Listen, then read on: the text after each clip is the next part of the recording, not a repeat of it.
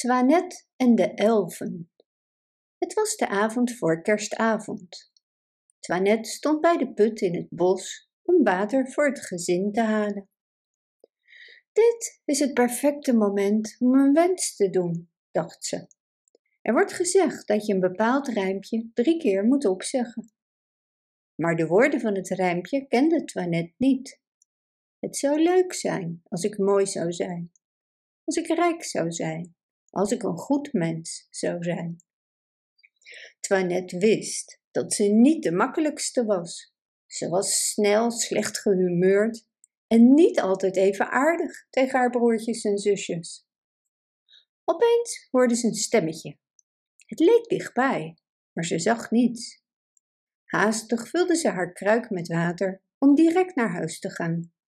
Toen hoorde ze een snik en het kwam van heel dichtbij. Is er iemand? riep ze. Ineens werd op de grond een klein figuurtje zichtbaar. Het was zo klein dat net moest knielen om het duidelijk te zien. Het had de gedaante van een kleine vreemde man. Hij droeg een felgroen gewaad dat leek op de vleugels van een kever. In zijn hand droeg hij een muts waaruit een lange veer stak. Verward zei ze tegen zichzelf: Hoe grappig is dit? Dit is helemaal niet grappig, sprak de kleine man. Zo praat je niet met mij, Toinette. Toinette keek verbaasd op. Ken je mijn naam? Dat is vreemd. Maar wat is er aan de hand? Waarom huil je, kleine man? Ik heet Distel en ik ben een elf, antwoordde de kleine man. En hoe zou jij het vinden als je vastzat aan een grote doren? Kijk. Hij draaide zich om en Toinette zag een lange rozendoren door de achterkant van zijn groene mantel steken. Is dat alles? Ik zal het er wel voor je uithalen, zei ze. Wees voorzichtig, jammerde de elf. Nou, ik zal voorzichtig zijn, zei Toinette. En terwijl ze dat zei, brak ze de doren af en haalde ze hem er voorzichtig uit. Het gezicht van de elf klaarde op. Je bent een goed kind, zei hij. Op een dag zal ik misschien net zoveel voor jou doen. Ik zou je eerder geholpen hebben als ik je eerder had gezien, merkte Toinette op. Ik had mijn muts op, zei de elf. Hij legde het op zijn hoofd en ineens was hij verdwenen. Er was alleen een stem die zei: En dan ben ik onzichtbaar. Oh, zuchtte Toinette, wat zou dat geweldig zijn om onzichtbaar te zijn. Ik zou je mijn muts kunnen geven, zei de elf. Of je het echt leuk vindt om onzichtbaar te zijn, is maar de vraag. Soms wel, soms niet. Je kunt onzichtbaar worden, maar je hebt er wel het zaad van een varen voor nodig. Je moet het zaad in je schoenen stoppen. Heb je geen zaad, dan lukt het niet je onzichtbaar te maken. Waar vind ik dat zaad? vroeg Toinette. Ik heb geen idee hoe dat eruit ziet. Natuurlijk niet, zei de elf. Wij elfen zorgen zelf voor dat zaad. Niemand kan het vinden, behalve wij zelf. Maar nu jij zo aardig bent geweest voor mij, zal ik je een beetje van dat zaad geven. Dan kun je jezelf onzichtbaar maken en zien of je het leuk vindt. Wat geweldig, zei Toinette. Mag ik het nu hebben? Wat denk je zelf? zei de elf. Denk je dat ik mijn zakken ermee volgepropt heb? Natuurlijk niet. Laat je slaapkamerraam vannacht maar openstaan. Dan kom ik naar je toe. Hij legde zijn vinger op zijn neus, maakte een sprong als een springhaan, klapte op zijn muts en verdween. Toinette haastte zich naar huis. Haar moeder stond al op haar te wachten. Waar bleef je? zuchtte ze. Ik heb het niet graag dat je zo lang in het bos blijft hangen. De kinderen wilden weten waarom ze zo lang weg was gebleven, maar Toinette snauwde ze af. En meteen maakten de kinderen zich stilletjes uit de voeten. En dat was eigenlijk iets wat ze wel vaak deden als Toinette in hun buurt kwam. Verhaaltje? vroeg het babyzusje Jonathan. Maar Toinette had er geen zin in. Nee, niet vanavond, antwoordde Toinette. Vraag het maar aan de anderen.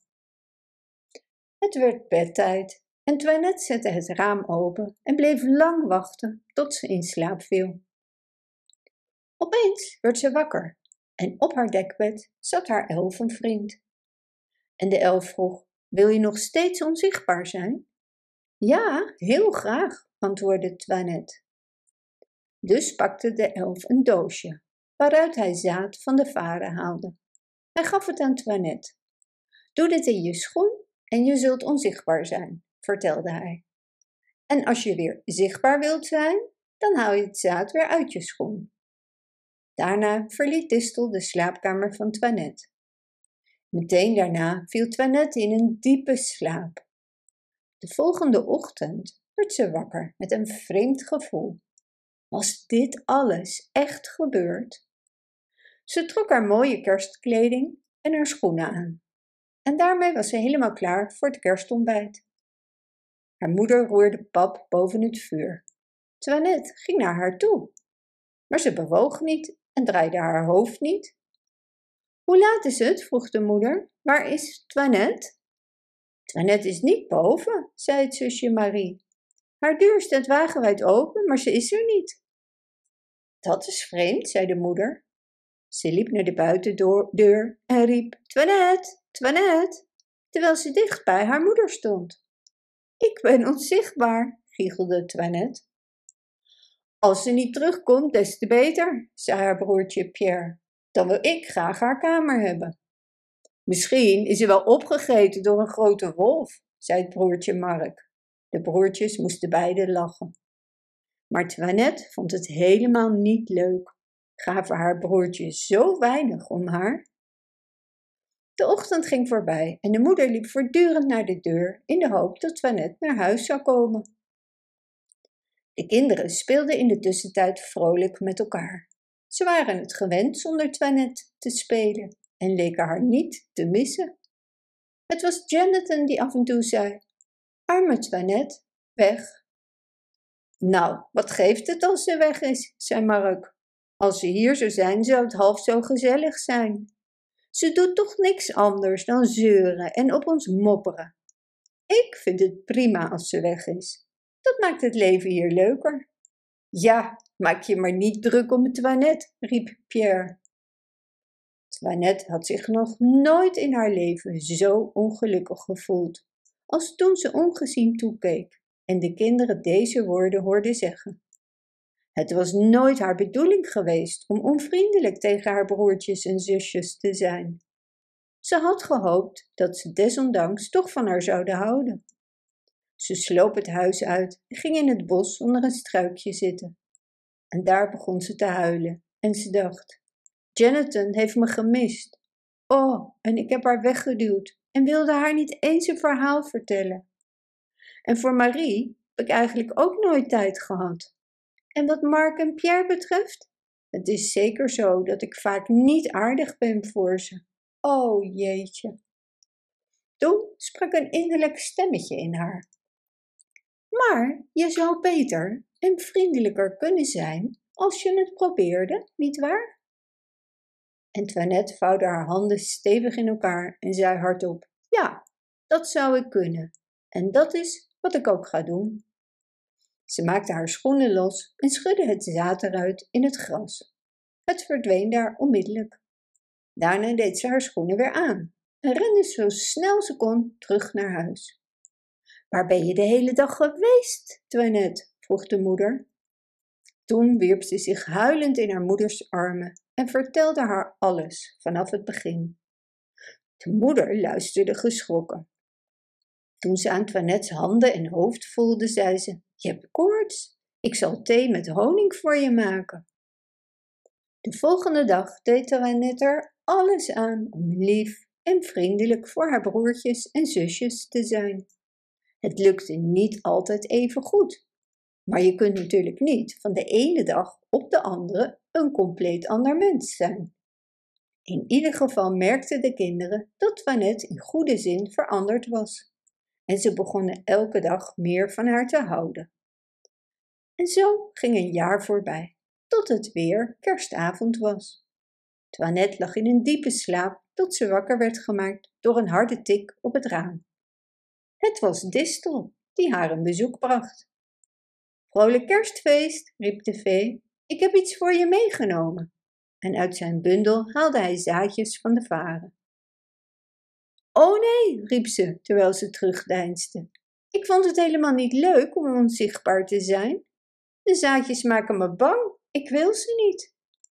Doe niet zo dwaas, zei Distel, en zijn stem klonk vriendelijk en ernstig.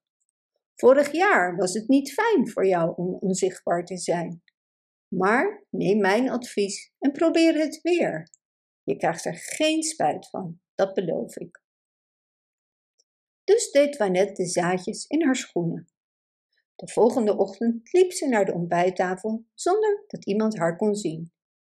De kleintjes zaten rond de tafel met hun ogen op de deur gericht, tot Wanette binnen zou komen en verrast zou worden. Ze hadden allemaal een kleine verrassing voor haar gemaakt. Het zal leuk zijn om haar te verrassen, zei Mark.